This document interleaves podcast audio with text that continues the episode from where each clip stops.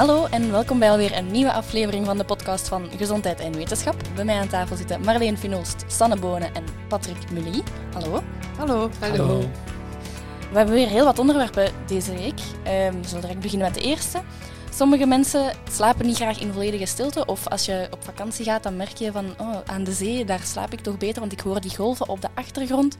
En sommige wetenschappers hebben daar een theorie aan gebonden en die zeggen dat je misschien met white noise, met geluid, beter kan slapen. Patrick, is dat waar? Ik vond het een geweldig verhaal daar waar ik probeer van zo stil mogelijk te hebben in de slaapkamer. Zijn er blijkbaar mensen die graag geluid hebben en men noemt dat uh, white noise. Dat is dan een, een monotoon geluid, altijd op dezelfde toon. En we kennen dat misschien van sommige lesgevers waar je zelf in slaap viel. Wel, dit fenomeen probeert men na te bootsen in de slaapkamer met bijvoorbeeld geluid van uh, de wind, uh, de regen op een dak, uh, een kabbelend riviertje en zo verder. En blijkbaar zouden mensen daarvan geconcentreerd, zich gaan concentreren op dat geluid en daardoor sneller in slaap vallen. En, en, is er een studie dat dat bevestigt? Wel, dat was juist het interessante in het verhaal. Daar zijn Amerikanen die dachten van, ah, we gaan een keer al die studies samenbrengen. Er waren er 38. En toen werden die Amerikanen gek. Want elke studie had een andere studie opzet, met een ander geluid en een andere intensiteit van het geluid. En een andere manier om de slaap te meten. En een andere populatie en zo verder en zo verder. En uiteindelijk kwamen die Amerikanen tot de conclusie ja, hier kunnen we gewoon geen conclusies uit trekken. Als je dat wilt doen, doet je dat. En als je dat leuk vindt, doet je dat. Maar wetenschappelijk zijn er geen bewijzen om te zeggen van ja, dat helpt om beter te slapen. Ze lagen er zelf wakker van. Ik denk dat ze s'nachts met hun ogen open lagen van wat gaan we hier doen met die 38 studies. Het was uh, alleszins die die er niet wakker van liggen, dat is de commerciële wereld, want er zijn nu al natuurlijk meer dan 200 mobiele applicaties te koop die je dus kunt installeren en dat geeft je dan het gewenst geluid. Uh, de namen zijn schitterend, hè? Sleep Miracle, dus uh, een mirakel om te slapen. En dat zijn dan kabbelende dus. beekjes en, en zo. Wat moeten we ons daarbij voorstellen? Wel, ik heb ze niet allemaal de 200 zelf geprobeerd. ik heb goed geslapen verleden nacht. Ik wil dat wel eens doen, overdag dan. Maar ik vermoed dat het dus altijd zeer zachte, monotone geluiden zijn die dan uh, blijkbaar voor sommigen toch wel uh, zullen helpen. Persoonlijk vind ik het vreselijkste geluid dat ik in mijn leven ken, dat is het geluid van de regen, druppels op een tent. Want dan weet ik dan uh, dat ik de hele dag met de rugzak in de regen rondloop. dat vind ik eigenlijk niet zo leuk. Um, een toepassing waar het ook vaak gebruikt wordt, um, is bij baby's, kleine baby's, om ze beter te doen slapen. Weten we daar iets meer over, of dat werkt? Wel, die studie heeft niets, niets onderverdeeld naar gelang de leeftijd of en zo verder. Ze hebben gewoon gekeken naar kinderen en volwassenen. Maar ik kan mij voorstellen, weet je, het, kost weinig. Het loont altijd de moeite van eens te proberen. En als je kleine in slaap valt, hoera, kun je rustig uh, de krant lezen of tv kijken. En als het mislukt, ja, probeer dan iets anders. zijn er andere uh, tips die wel werken, waarvan we weten dat ze werken om beter in slaap te vallen? Wel, in het algemeen weten we dat er een soort relaxatietraining voor het slapen wel gaat helpen. Ademhalingsoefeningen, uh, iets niet stressvol doen, geen cafeïne. Ik denk dat dat de courante maatregelen zijn om uw slaap voor te bereiden. Want dat is de essentie. Bereid uw slaap voor ja, en dan gaat je beter slapen. Ja, dezelfde slaaprituelen. Ja. En de, ja, dat zijn zo de gewone tips. Hebben er heel wat van op de website staan. En als je baby niet gemakkelijk in slaap kan vallen met die white noise of zonder white noise, um, dan kan dat ook wel eens zijn dat hij heel veel huilt. Dat is heel normaal bij baby's, denk ik dan. Maar soms heb je toch het gevoel dat, dat het heel veel huilt. Vanaf wanneer mogen we spreken van een, van een huilbaby? Een baby is een huilbaby wanneer die minstens drie uur per dag huilt, minstens drie dagen in de week en gedurende minstens drie opeenvolgende weken. Dat is een beetje de definitie die men hanteert om te, zeggen, te spreken van wanneer is een baby een huilbaby. Alle baby's huilen anderhalf tot twee uur per dag. Dat is ook, ja, dat is normaal. Hè.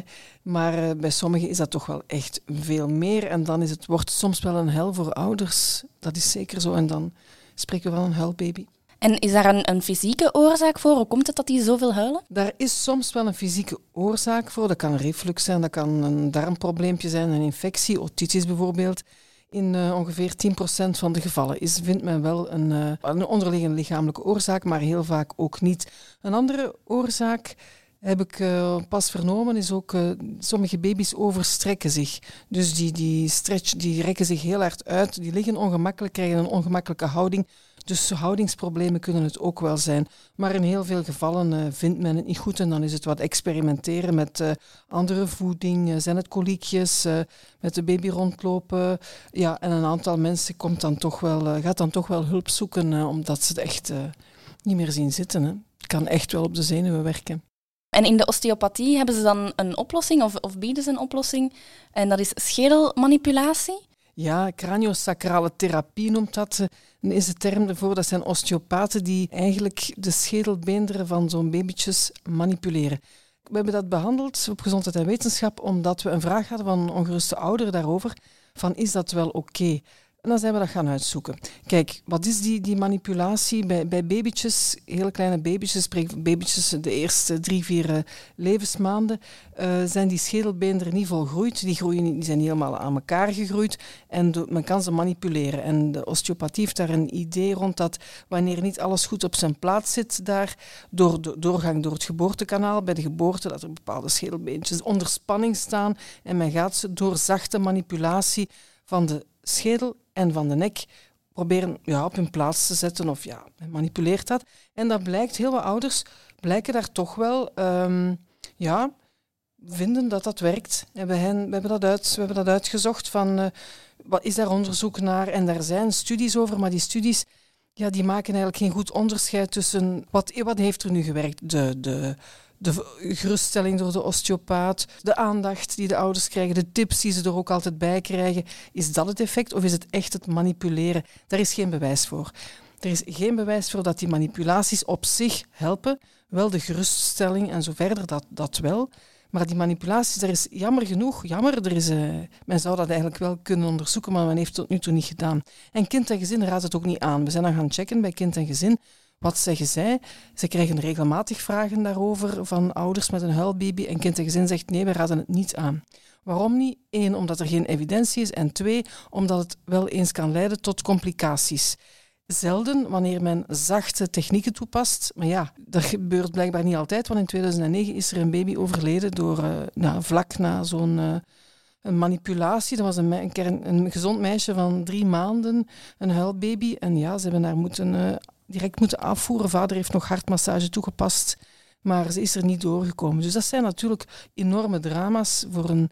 Ja, zelden, zeldzaam natuurlijk, maar toch, als het niet echt werkt, ik weet het niet. Ik zou, ik zou niet meteen uh, aanbevelen. We volgen daar ook de aanbeveling van kind en gezin die dat goed hebben uitgespit. Dat is niet, niet voldoende bewezen, dus misschien toch helpt het, we weten het niet. Nee, dus dat moet nog verder onderzocht worden dan? Eigenlijk wel. Ja. En wat kan je dan wel doen bij een huilbaby? Wat weten we dat werkt? Wel, dat hangt dan een beetje af van, is er een onderliggende oorzaak? Dan moet die natuurlijk aangepakt worden. Is dat niet zo? Dat is wat vaak het geval is. Dan zijn er allerhande tips die staan op de website van kind en gezin, waar we ook naar verwijzen. Maar één tip, iets wat ze wel onderzocht hebben, is het inbakeren van baby's. Dus een, een beetje een nestje vormen rond die baby. Niet echt inbakeren, niet echt helemaal vast vast, ja, hoe zeggen we dat, vast, niet binden is een slecht woord, uh, maar zorgen dat ze niet zo kunnen slaan met armen en met armpjes rond zich, wat, wat nogal is gebeurd, maar dat ze zich in een nestje veilig voelen. We noemen dat nesting of inbakeren. Inbakeren. inbakeren Ik heb daar van die goede doeken voor. Ah, voilà. We hebben hier een jonge moeder die er alles van weet. Dus dat blijkt wel ook wel nuttig. Dat, daar is wel wat onderzoek naar en dat blijkt wel te helpen. En dan heb ik mij ook laten vertellen door een eh, kinderkinesitherapeut wanneer zo'n babytje, ja, allerlei techniekjes om het op je schoot te leggen, um, te wiegen, eens meer rond te lopen, over, over je schouder te leggen, zodanig dat in een gebogen houding. Dus er zijn wel allerlei dingen die men kan uitproberen. Dat is, er is wel heel wat informatie over te vinden. Dus voor ouders met een huilbaby, ga zeker eens kijken. Passeer bij ons en wij linken meteen door naar de goede pagina op uh, de website van Kind en Gezin. Oké, en hopelijk heb je er dan niet meer te lang last van, hè? Ah ja, dat kan ik nog even toevoegen. Vanaf vijf maanden verdwijnt dat spontaan. Dat is ook iets, een reden natuurlijk waarom veel van die manipulatiesessies, want dat, men zijn, men zijn, er zijn meerdere sessies nodig, maar vanaf vijf maanden is, mhm. verdwijnt dat huilen uh, zo goed als altijd spontaan. Eh, het idee is wel goed, hè, dat je daar juist zei. Dat is er dringend een keer een studie doen tussen therapie plus aandacht versus therapie alleen. Mhm. En zien uh, wat het effect is. Ja, en dat ontbreekt nu precies. Oh, volledig. Het is op het moment dat deze aflevering uitkomt uh, herfstvakantie. En de regering heeft besloten om de scholen ietsje langer toe te houden, enkele dagen extra vakantie voor de kinderen, in de hoop om zo het coronavirus een beetje te kunnen tegenhouden. Um, maar is dat nuttig? Want ik dacht dat kinderen niet de motor waren van deze pandemie. Ja, dat is altijd gezegd. En zeker in de eerste golf waren vooral ouderen besmet. En zat het virus vaak veelal in woonzorgcentra. Maar nu in de tweede golf zijn kinderen toch uh, veel meer betrokken en zijn er veel jongeren besmet. Dus eh, wij, vermoedelijk is het nog altijd zo, wat we tot nu toe weten, het onderzoek is dat kinderen het uh, virus minder makkelijk doorgeven, zelf ook niet zo ziek worden meestal milde symptomen hebben. Maar natuurlijk, als je veel meer kinderen hebt die besmet zijn, ja, dan is er natuurlijk dat vergroot de kans om het door te geven aan, aan hun grootouders bijvoorbeeld. Hè. Dus het feit dat er veel meer jongeren besmet zijn, maakt dat die kans wat groter is. En daarom denkt men nu met het verlengen van de herfstvakantie, ja, om, we zullen zien of dat het iets uithaalt natuurlijk. Hè. Hopelijk wel, we weten het niet. Dus het is niet dat ze plots besmettelijker geworden zijn nee, nu? Nee, dat, daar zijn geen aanwijzingen voor, nee. Ze zeggen ook, uh, stuur ze niet naar de grootouders, stuur ze niet naar de opvang. Is het nog altijd belangrijk om die generaties gescheiden te houden? Ik vermoed van wel, ja. De mensen met een uh, groter risico of met onderliggende gezondheidsproblemen, die hebben natuurlijk een groter risico op een ernstigere vorm van COVID. Dus ja, dat is natuurlijk wel waar dat die sociale contacten uh, tussen die generaties moeten verminderd worden, zeker. En de grote vraag die elke ouder heeft, denk ik, met schoolgaande kinderen, wanneer hou ik het thuis van school? Ha, een moeilijke vraag. Kijk even naar de huisarts hier naast mij. Er zijn hele goede richtlijnen voor. In de scholen zelf zijn heel goed op de hoogte van die richtlijnen. CLB heeft daar ook, allez, doet daar ook heel veel uh, moeite in. Dus op zich ja, te raden gaan bij, bij school en CLB. Uh, want meestal beslissen ze daar op school van wat er met de kinderen, met de klassen en de klasgenootjes moet gebeuren. En daar heb ik als huisarts ook niet altijd een zicht op. want dat is ook wel ja, best ingewikkeld. Die richtlijnen veranderen al wel eens. Maar wat dat wel goed is om te weten, is dat je niet elk kind met een gewone snotneus moet gaan thuishouden. Hè. Dat, is wel, uh, dat is misschien wel belangrijk. Ja, zeker in dit seizoen. Ik denk verkoudheden komen nu veel meer voor. Mhm. Vooral waar dat kinderen veel bij elkaar zitten. Maar ook bij volwassenen. En als we dan verkouden zijn, dan dat zijn bijna dezelfde symptomen als een COVID-besmetting. Moeten we ons dan elke keer laten testen? Nee, eh, bij een gewone verkoudheid, um, waar dat je dan enkel en alleen een snotneus hebt, moet je je niet laten testen. Maar het is natuurlijk wel zo dat een verkoudheid onderscheiden van een eh, infectie met het nieuwe coronavirus, dat dat ontzettend moeilijk is op basis van enkel je klachten. Ja, dat is, dat is nu eenmaal zo. Maar het is wel geweten dat het uh, coronavirus wel typische klachten heeft, um, zoals plots beginnen hoesten, kortademigheid, plotse pijn op de borst en uh, plots verlies van geur en smaak. Als je een van die vier klachten hebt, enkel alleen hoest, dan is een test wel aangewezen. Um, dus dan moet je zeker contact opnemen met de huisarts. Bij alle andere klachten van bijvoorbeeld de luchtwegen um, heb je minstens twee klachten nodig voor een test nodig is. Dus enkel een snotneus of enkel keelpijn rechtvaardigt geen test. Heb je een snotneus en keelpijn en hoofdpijn, dan is een test waarschijnlijk wel echt aan de orde. We hebben gehoord, de labo's zitten een beetje op capaciteit, dus niet iedereen wordt nog getest. Soms moet je gewoon in quarantaine gaan. Waar maken ze het onderscheid dan? Wel, mensen die symptomen vertonen, die wel passen bij een corona-infectie, um, die worden wel degelijk nog altijd getest hoor. Het zijn de hoogrisicocontacten die nog geen symptomen hebben, die tegenwoordig niet meer getest worden. Voorlopig, hè, omdat er gewoon te veel gevallen zijn en de labels dat inderdaad niet kunnen bijhouden. En tegen de mensen die inderdaad een hoog risicocontact hebben gehad, wordt nu gezegd 10 dagen quarantaine na het laatste contact. Ook als je niet positief getest hebt? Of als je niet getest wordt? Je wordt dan inderdaad niet meer getest. Maar heel belangrijk te weten is als je in die tien dagen toch symptomen krijgt van een snotneus of begint te hoesten, dan is wel degelijk een test aangewezen. En wie moet er dan mee in quarantaine als je een hoog risicocontact hebt gehad? Zijn dat alleen je huisgenoten? Zijn dat ook je, je knuffelcontacten? Um, ik denk dat hoog risicocontact is inderdaad ja, je huisgenoten, daar zit je sowieso dicht op. Um, en voor alle andere mensen is denk ik het, het gemakkelijkste te onthouden als je langer dan een kwartier op minder dan anderhalve meter bij een positief persoon bent geweest. En mondmasker houden ze tegenwoordig ook rekening mee. Dus als dat met mondmasker was, dan is dat al iets anders. Maar als je zonder mondmasker dicht bij iemand hebt gezeten, bijvoorbeeld samen aan tafel hebt gegeten, uh, met iemand buiten je gezin, dan ben je wel een hoog risicocontact.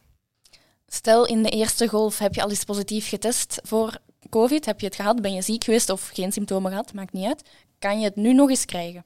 Um, ja, hele goede vraag. En dat is een vraag die heel veel mensen bezighoudt, want het wordt ook gretig gelezen op onze website. En het antwoord is helaas ja. Je kan een tweede keer COVID-19 uh, krijgen, een tweede infectie met het coronavirus, het nieuwe coronavirus. In april schreven wij ons eerste stukje daarover. En toen was het nog niet zo duidelijk. Hè. Toen uh, uh, waren we vooral aan het denken van, ja, zijn die mensen wel echt een tweede keer opnieuw besmet met het coronavirus? Um, en dan dachten we toch eerder van, ja, dus mensen testen positief, hebben dan een aantal keer negatief getest en testen opnieuw positief. En dat we toch dachten van ja, dat heeft te maken met het feit dat tussenin een, een, eh, een test eh, negatief kan worden. Dus dat het virus nog wel in het lichaam zit, maar je het niet meer uit de wisser van de neus kan halen. Maar ondertussen uh, weten we wel, zijn er vier uh, personen wereldwijd waar dat er een bevestigde tweede infectie is. En dat is een, een groot verschil met opnieuw positief testen. Maar dat is wel heel weinig. Hè? Het blijft wel, het, een re-infectie, een tweede infectie is mogelijk, maar de kans, het risico is wel heel laag. Hè? Het risico is inderdaad heel laag, dus dat moeten we zeker onthouden. Hè. Vier gevallen. Uh, de eerste was in uh, Hongkong in augustus. En dan de... Een Belg bij, zeker? Hè? Ja, er zat ja. een, een uh, ja, Belg-Nederland staat erbij. Ik denk dat ze in België woont en een Nederlandse nationaliteit heeft of zo. Ik weet het niet goed, maar van die vier gevallen zit inderdaad eentje bij ons bij. En ja, hoe zijn we heel zeker dat dat dus effectief uh, een tweede infectie is bij die mensen en niet hetzelfde virus dat nog uh, aanwezig was in het lichaam? Dat is, dat is een beetje ingewikkeld, maar ja, elk virus verandert een heel klein beetje. Uh, dus we kennen sinds februari het volledige genetische, um, de genetische samenstelling van het coronavirus. Het bestaat ongeveer uit een kleine 30.000 bouwstukjes.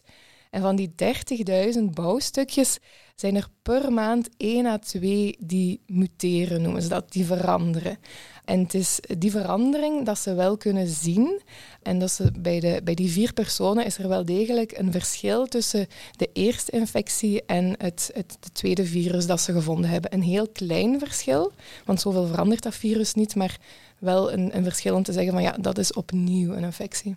Maar ik denk dus dat, ja, om te onthouden is dat de mensen gewoon de maatregelen, ook als ze COVID hebben gehad, dezelfde ja. maatregelen, mondmaskers en afstand houden, handen wassen, ja. moeten volgen. Ja, absoluut, absoluut. Ja.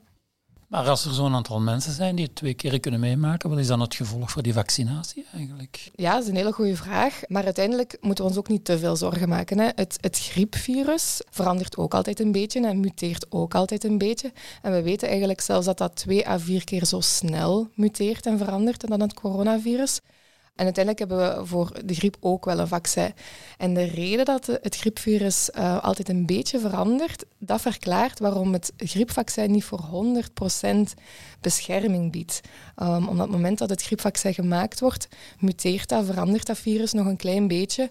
En dus beschermt het 60 à 70%. En we weten nu dus dat het coronavirus trager verandert. Wat dus eigenlijk voor het vaccin ook wel betekent. Dus dat wil zeker niet zeggen dat als het virus verandert, dat een vaccin niet gaat werken. Dus dat is op zich Dat is goed nieuws. Ja, ja oké. Ik ben ook zwaar gerustgesteld. Over vaccins gesproken. Um, het verscheen onlangs weer in het nieuws een nieuwe studie over het verband tussen mazelen en autisme. Want dat is een hardnekkige mythe die al jaren in de omloop is. Um, wat hebben ze in die nieuwe, nieuwe studie gevonden? Wel, het is eigenlijk niet echt een nieuwe studie, maar het is een studie uit 98 die altijd opnieuw wordt opgedist.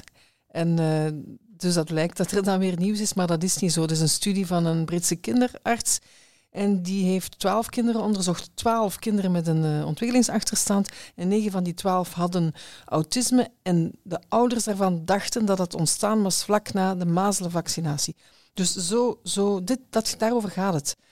En dat, dat verband, dat, wordt, uh, door, uh, dat heeft een enorme impact gehad. Dat is eind jaren 90 in de media geweest. En dat heeft zo'n danige golf van ongerustheid gebracht dat veel ouders gestopt zijn met vaccineren van hun kinderen. Waardoor we vandaag, nee, anno 2018 eigenlijk, meer dan 140.000 kinderen aan mazelen zijn gestorven in de wereld. Allemaal kinderen, jonger dan, meeste jonger dan vijf jaar en gezonde kinderen, wereldwijd.